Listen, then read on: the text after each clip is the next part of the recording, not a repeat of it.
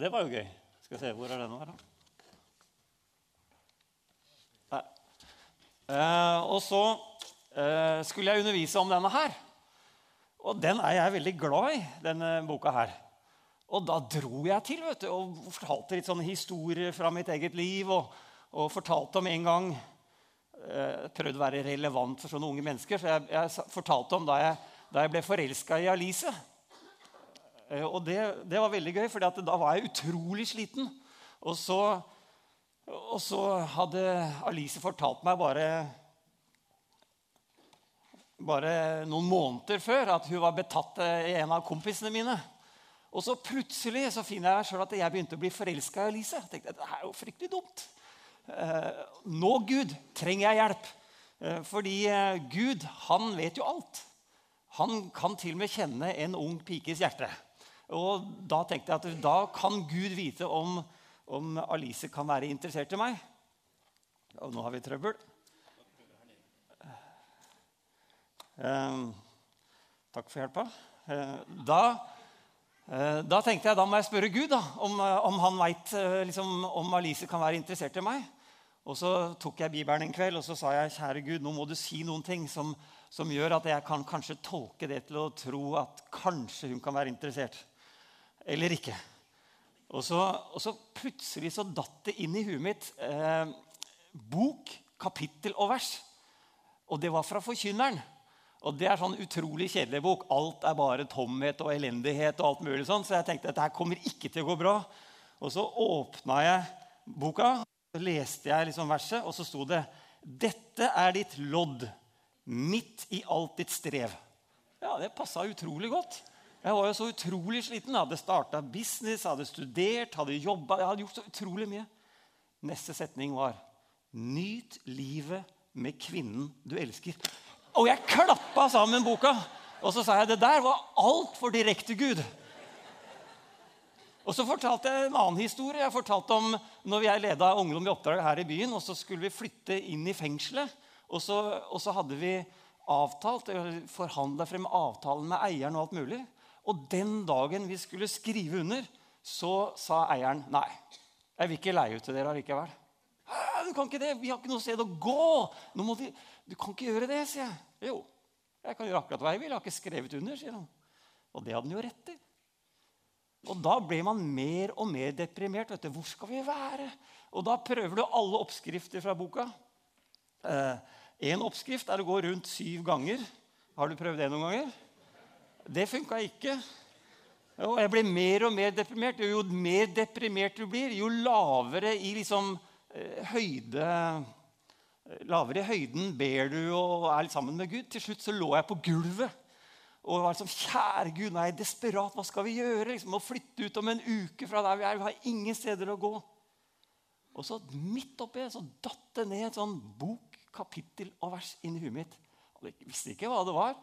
Så, så slo jeg opp, og så leste jeg.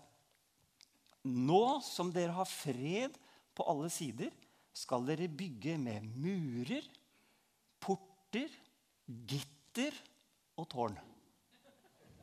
Er det mulig? Det ligna veldig på det der gamle fengselet.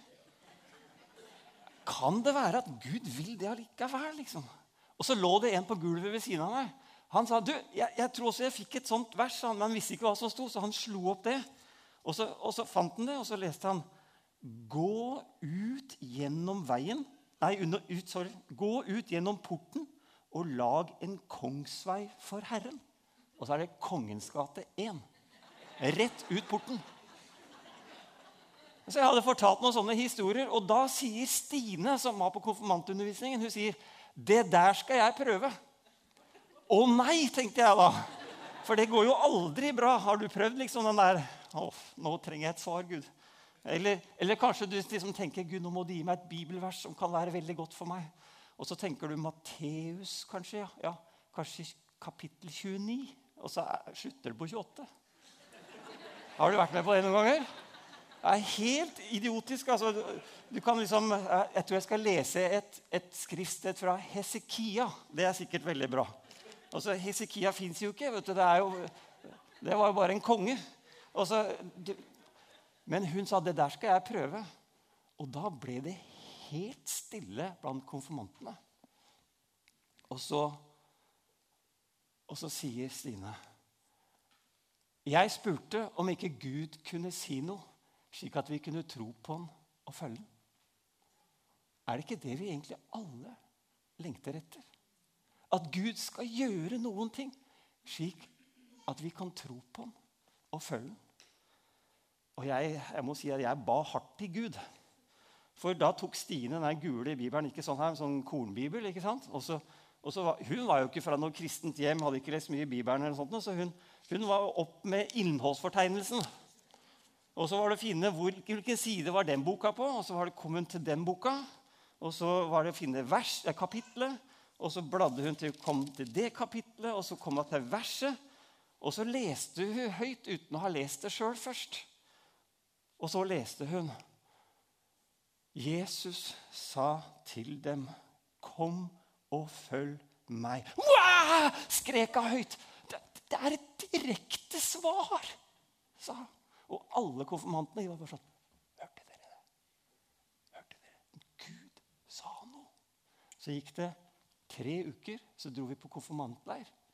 Og På konfirmantleir så hadde vi litt sånn undervisning. Og sånne ting. Og så var det en kveld hvor vi sier du, nå er vi ferdig med undervisningen. Nå kan vi gå ut med aktiviteter og ha det gøy. Men hvis du har lyst til å følge etter Jesus, hvis du har lyst til å være en kristen, så vil jeg invitere deg til å bli igjen her for samtale.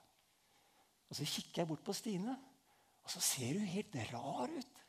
Og så ser du liksom eh, pulsen dunker i halsen, og så spør jeg Stine, hva skjer? 'Jeg vet ikke', sier han. 'Kaller Gud deg?' spurte jeg. 'Ja.' Og så ble Stine sittende igjen sammen med tolv andre som ville følge Jesus.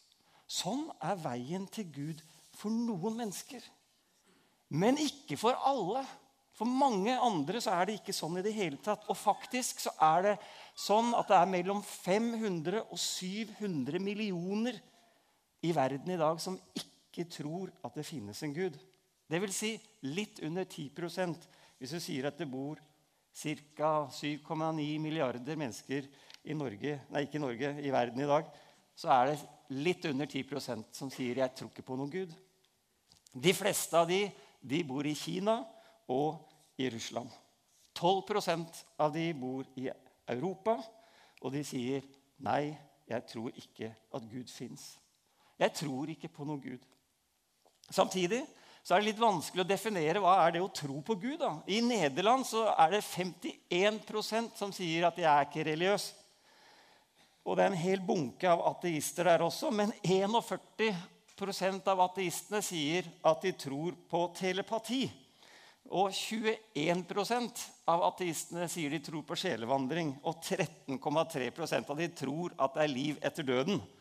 Så det er jo litt rart. Men de tror ikke på Gud. I Norge så tror 22% på Gud. 44% Dette er sånn omtrentlig statistikker fra denne tida her. 44% tror det finnes en ånd eller en livskraft. 29% tror ikke det finnes verken Gud eller ånd eller livskraft. Og 5% veit ikke. Og da har jeg lyst til å si uansett hva du tror eller ikke tror, så er du ikke aleine. Det er en hel mengde andre mennesker som er like sikre eller usikre som deg. Hvis du vil ha et kart over de som ikke tror, så ser det sånn ut. Og der er det jo sånn ganske jevnt over det hele. Et land som skiller seg ut. Jo dypere farge, jo flere er det som ikke tror. Men det er mange måter å snakke om Gud på. Og nå skal vi se en liten sånn fremstilling. Jeg håper jeg klarer å gjøre det på en god måte. Fordi på den ene siden så har du de som bygger all omtale og samtale om Gud på fornuft, rasjonalitet og vitenskap.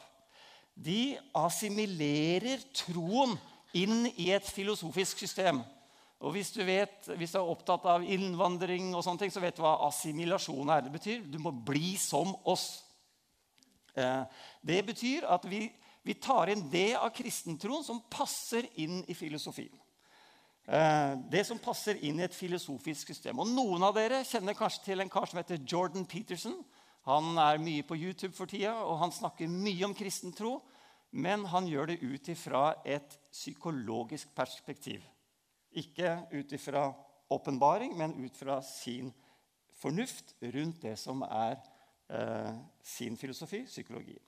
Så har du på den andre siden så har du de som snakker om tro kun i kirken, kun med tradisjonen, og de gjentar Bibelens tradisjon. Eh, de kan ofte si at de ikke er åpne for nye erfaringer. De vil kanskje si 'jeg er religiøs på min måte'. Og den erketypiske personen her er en amerikansk evangelikal type som bare tror og ikke vil høre på noe annet. Så har du det som er midt imellom. Eh, der har du de som sier at vi må bruke både tro og fornuft. Fordi teologi og filosofi peker livets vei. De sier at Gud har gitt oss to bøker. Den ene boka er boken med ord. Den andre boka er skapelsen, som du kan se i naturen. Og det du ser der, kan like mye peke på Gud som denne boka. Altså både tro og fornuft. Filosofien spør, teologien svarer. Og pave Johannes Paul, som var pave for en del ganger siden, han sto midt i denne eh, tradisjonen. Så har du de som har troen i bunn. Og troen trumfer alltid hvis den er på konfliktkurs med fornuften. Og de sier også at teologien hører hjemme i kirken. All teologi begynner med Jesus, har Jesus som mål og har Jesus som målestokk for god teologi. Ikke erfaring. Og til slutt så har du det som er midt imellom på den andre siden. Et filosofisk system som formidler kristen tro, men det er filosofien som er grunnlag for troen.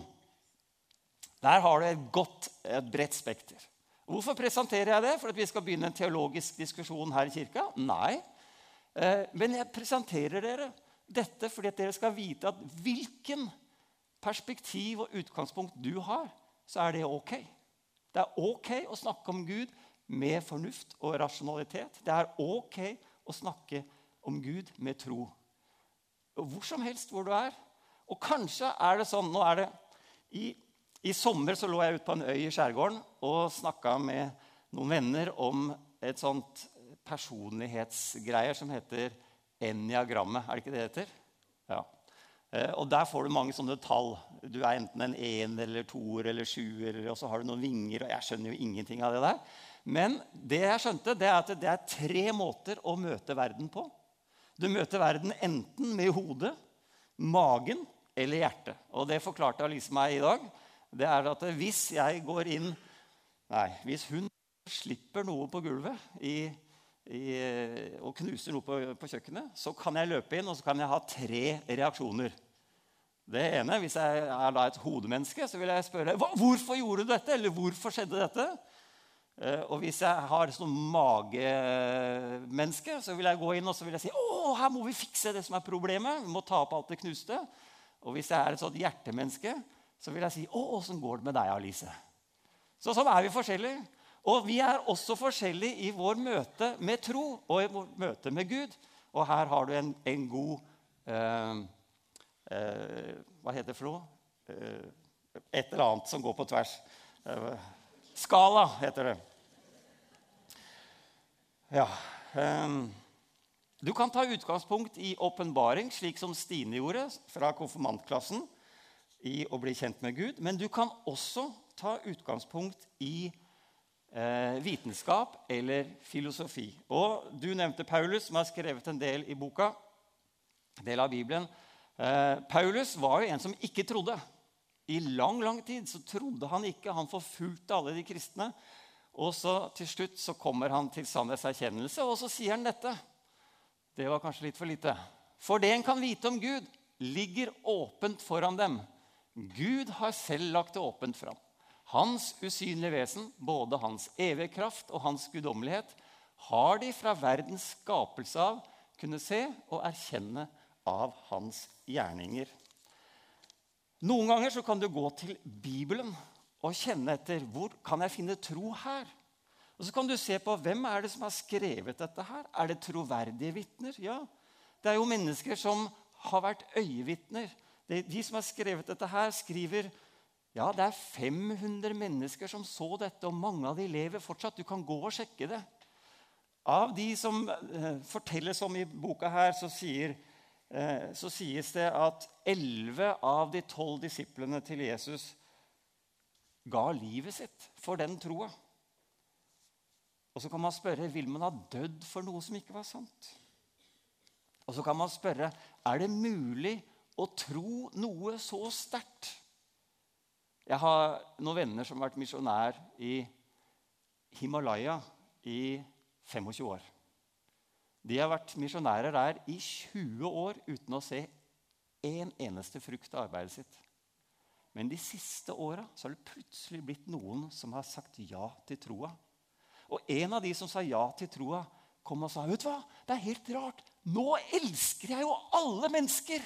Jeg, jeg elsker til og med dyrene. Går det an å tro noe så sterkt? Eller som denne dama som jeg møtte i går kveld, som sa til meg vet du hva, For to dager siden så holdt jeg pappaen min i henda når han døde.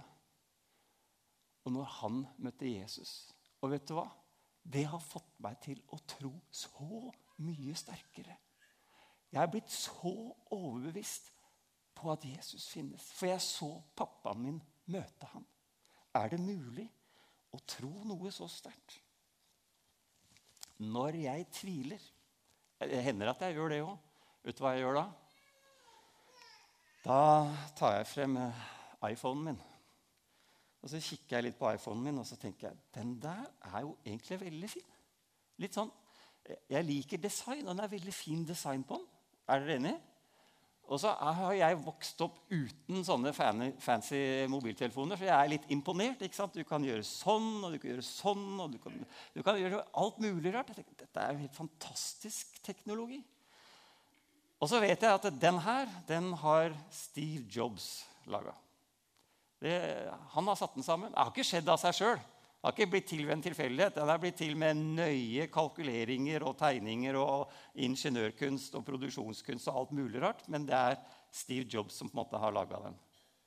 Og så når jeg er ferdig med å se på den, så tar jeg opp et speil.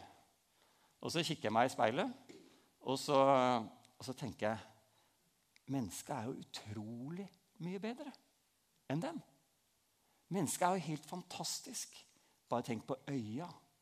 Tenk på, tenk på denne mobilen her. Den går i ett døgn sånn cirka, på strøm. Mens mennesket det bruker jo drivstoff av alle mulige funksjoner. Pølser, biff, havregrøt Alt mulig går inn her. To brødskiver, og jeg går i mange mil. Det er helt utrolig. Og den går på strøm.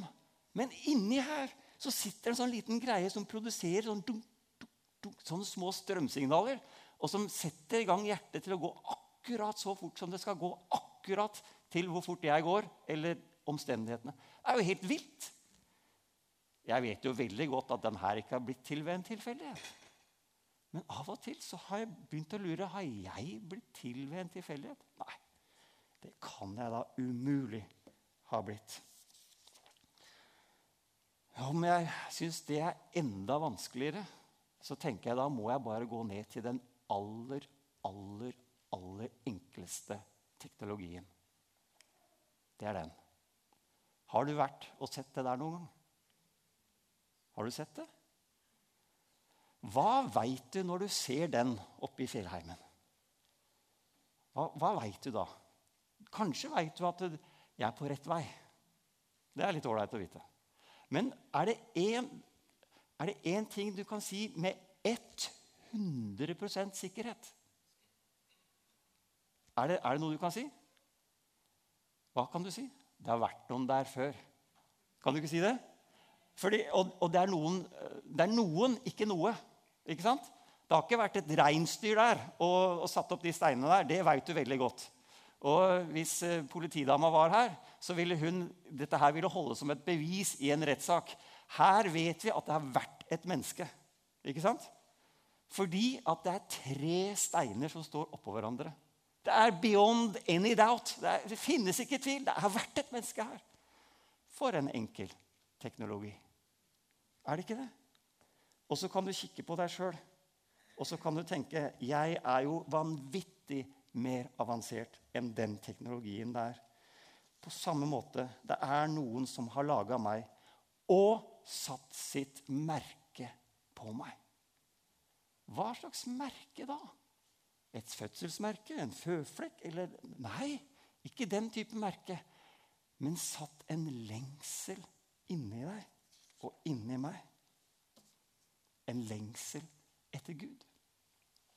Gud har et kjempeproblem.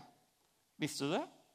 Jeg trodde ikke Gud hadde problemer. Jo da, han har et kjempeproblem fordi Gud er usynlig. Tenk så mye enklere det hadde vært hvis vi kunne se han. Tenk så mye enklere det hadde vært hvis vi kunne høre han ordentlig. liksom. Det er jo helt utrolig vanskelig. Og det er ordentlig, ordentlig ille. Og det er noen ganger jeg tror ikke jeg er aleine om det, hvor jeg har liksom trygla Gud. Gud, nå må du vise meg et tegn. Kan du bare vise et lite tegn, et lite mirakel eller et eller annet? Kan du ikke bare gjøre noe, Gud, så jeg vet? Og vi trygler etter et inngripen, et svar, et syn eller et eller annet. Og Jeg husker jeg lå i senga en gang og leste i Bibelen. Og så leste jeg om Jesus som hang på korset. Så hang han der liksom på korset. Og så, og så kommer det en soldat bort til ham, og så begynner soldaten å håne han, vet du. Du har lest det, du òg? Andre har han frelst, men seg sjøl kan han ikke hjelpe, liksom. Og så lå jeg der og tenkte Jesus, hvorfor gjorde du ikke bare sånn at du kunne Ikke sånn Jaså, du er tøff nå, nå som jeg henger her? Det er ikke den typen jeg tenker. Liksom, skal jeg hoppe nå og smekke deg litt, liksom? Det er ikke den jeg tenker. Men, men om han hang der, og så soldaten kom og mobba han, så kunne han tatt den der litt mer saktmodige, ydmyke greia og hengt der. Og så, men du, vent litt. Du, jeg vet at det er lett å bli revet med, liksom, men, men bare for at du og familien din skal vite at jeg er liksom Gud. Ja, nå ser du. Jeg har makt til å gjøre det. Jeg bare vil ikke opp igjen og henge der. Hvorfor gjorde han ikke det, liksom? Har du tenkt på det? Ja, jeg har tenkt på det mange ganger. Men Så skjønte jeg det. Kanskje han ikke gjorde det fordi det ville blitt en veldig skeiv maktforhold mellom Gud og meg. Eller Gud og ham. Han stakkars fyren som hadde stått og håna Gud, han måtte jo bare Nå må jeg bare være kristen. Det er ikke noe valg. Jeg er tvunget til å være kristen. Det er ikke veldig ålreit å ha en sånn relasjon med noen som er så supermektige at du bare må. Du har ikke noe valg. Og hvis Gud er på utkikk etter noe, er han på utkikk etter sånne typer relasjoner hvor han truer mennesker til å bli troende? Ved å skremme dem? Eller tvinger dem med sin makt? Eller kan det være at Gud er mer interessert i en relasjon som er bygget på lyst og gjensidig kjærlighet. En dag så sto Peter ved vannet og fiksa fiskeutstyret sitt. Stine hørte Jesus si til henne Stine fra konfirmantklassen hørte Jesus si til henne, 'Kom og følg meg'. Mens Peter sto nede ved vannet og så fiksa han og skylte garnene sine. Og Så kom Jesus forbi, og så begynte Jesus å snakke. Og så sa Jesus akkurat nok til at eh, når Jesus spurte Peter om å få låne båten, så sa Peter ja, det er greit, bare bruk båten min. Og Så fortsatte han å fikse garnene der mens Jesus sto og talte videre. Og så talte Jesus på en sånn måte at han engasjerte Peter enda litt til slik at eh, når Jesus var ferdig med å tale, så sa han til Peter du, vi går ut og fisker. Og så visste jo alle at man fisker jo bare på natta, ikke på dagen. Men, men han tenkte ok, det var så interessant det Jesus sa. Jeg blir med på ham, det han sier. Og så ble han med ut i båten. Og når de er ute i båten, så, så sier Jesus du, kast ut garnet. Og så blir det bare hauger med fisk. Og så var det en prosess for Peter å ta ett skritt av gangen. Først låne bort båten, så bli med på fisketur, og så få masse fisk, og så Når Jesus kalte ham til å bli menneskefisker, så var han klar. Kanskje er det sånn for oss også at vi har en prosess i livene våre. Og Da er det ikke sånn at vi skal følge Jesus fordi vi er så innmari skråsikre. At vi tror så skråsikkert. Ikke fordi vi har en fullkommen tro eller noe sånt noe. Ikke fordi vi har en, et liv eller en tro som nødvendigvis matcher kristens, kirkens offisielle profil. Men kanskje ikke engang fordi vi har fiksa livet vårt, sånn at vi endelig er klare. Men vi kan følge Jesus fordi han har satt sitt merke på oss og sagt, 'Kom, følg meg'. Han har gitt oss en lengsel etter noe mer. Kanskje så må vi nå i 2019 si for hundrede gang, 'Jesus, jeg vil følge deg'. Kanskje kan vi få lov til nå i 2019 si for første gang, 'Jesus, jeg vil følge deg'. Jeg har lyst til å invitere deg til å bestemme deg for det.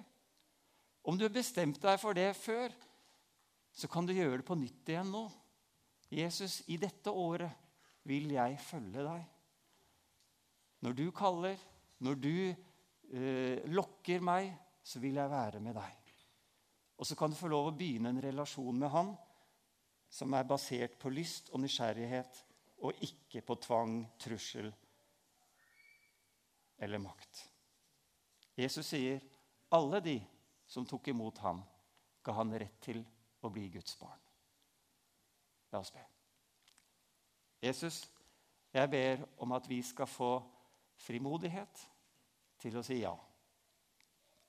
Til å si ja til det kallet som du gir oss.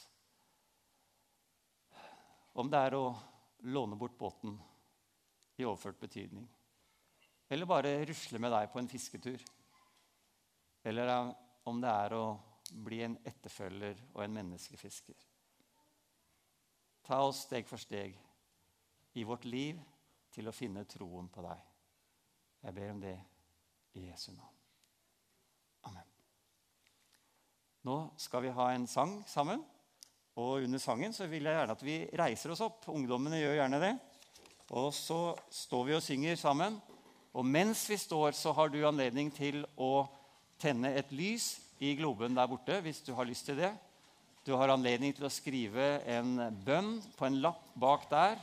Den lappen er det ingen som leser, men det er en bønn til Gud som du får lov å putte opp i krukka. Og så brennes det uten at de tas ut, til og med. En finurlig greie.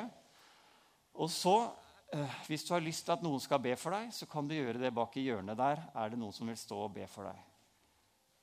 Velkommen skal du være. Vi skal synge sammen. Og Jesus, du som fyller alt i alle.